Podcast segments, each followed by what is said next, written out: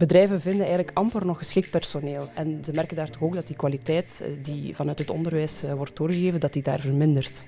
Welkom bij de VOCA-podcast 5 minuten voor 12, waarin we willen inspireren met nieuwe voorstellen die absoluut nodig zijn om onze toekomst concreet te maken.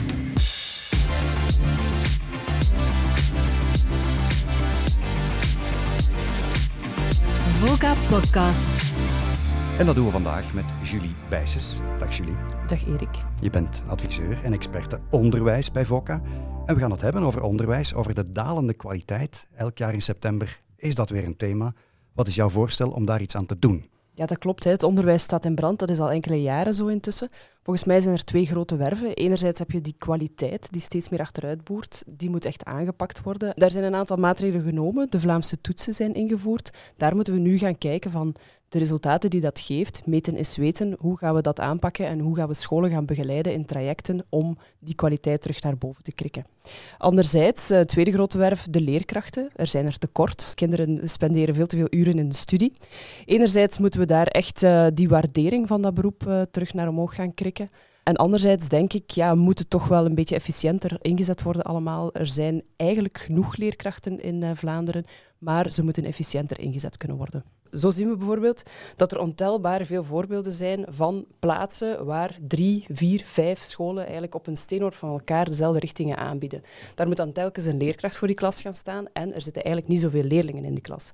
Dat is totaal niet efficiënt en dat moet dus anders kunnen ja, schrappen in die studierichtingen dan maar. Dat is niet zo evident. Hoe, hoe doe je dat? Met de botte bijl afschaffen?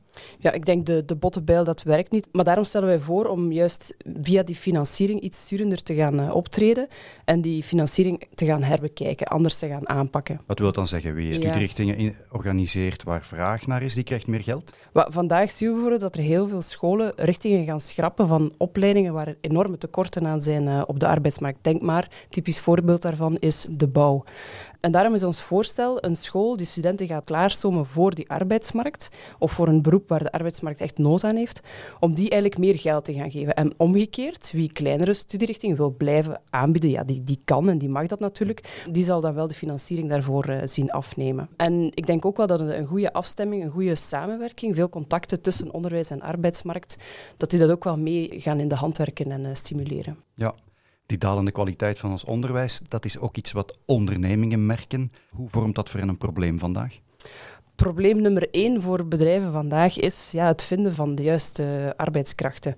En dat zal ook de komende twintig jaar nog spelen, die krapte op de arbeidsmarkt. En de kandidaten die ze dan spreken, ja, die blijken dan toch vaak niet helemaal op de hoogte te zijn van wat van hen verwacht zal worden. En ze merken daar toch ook dat die kwaliteit eh, die vanuit het onderwijs eh, wordt doorgegeven, dat die daar vermindert. Ja, als je vandaag kijkt op de website van VDAB, zijn er 225.000 jobs die openstaan. Dat is een gigantisch aantal. Ja, we weten ook, en dat zien we vooral, dat uh, meer dan de helft van die jobs, dat dat mensen zijn die uh, technisch geschoold zijn. Bijvoorbeeld, denk maar aan onderhoudstechnici, productiemedewerkers, eigenlijk mensen die goed zijn met hun handen. En we, ja, we zien dat de inschrijvingen voor dat soort opleidingen, dat die eigenlijk nog altijd uh, te laag zijn. Ja, dan zeg je wel iets. Hè. We gaan inzetten op een meer aanbod van stemstudierichtingen.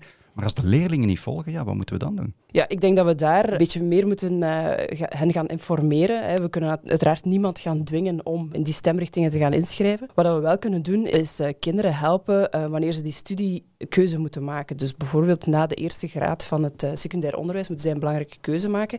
Daarom hebben we met VOCA ook geïnvesteerd in talentcenters. En we denken zo dat we toch wel meer de, de blik kunnen verruimen, een gepersonaliseerde menukaart gaan aanbieden.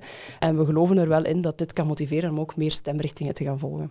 Je pleit voor een sterk sturende rol van de overheid in het onderwijs. Hoe gaan we dat doen? Het zijn volgend jaar verkiezingen, dan komt er een nieuwe regering. Wat moet die regering doen om dit waar te maken? Ja, ik zie uh, twee belangrijke stappen. Hè. In eerste instantie zal uh, dat financierings- en programmatiesysteem dat er is in Vlaanderen zal moeten bijgestuurd worden. Dat is een serieus werkje, maar we zullen dat wel ooit eens moeten aanvatten. Dus dat is uh, stap één. En dan denk ik ook dat er een overgangsperiode zal moeten zijn. Je kan nooit zoiets, zo'n grote vernieuwing van de ene dag op de andere invoeren. Ook omdat dat met financiering van scholen te maken heeft en zo. Dus daar zal een zeker traject in moeten gelopen worden. Om af te sluiten, waarom is onderwijs voor VOCA zo ontzettend belangrijk? Ja, ik denk uh, voor Vlaanderen. Hè. China heeft bijvoorbeeld goedkope arbeid en grondstoffen. Duitsland heeft een uh, ijzersterke industrie. Wij in Vlaanderen hebben alleen maar onze grijze cellen. Hè. En waar wij kunnen en moeten uitblinken. Dat is net dat, excellent onderwijs en de best opgeleide medewerkers voor onze bedrijven. Dat trekt de internationale investeringen aan. Dat is echt waar dat wij naartoe moeten. Alles begint bij onderwijs.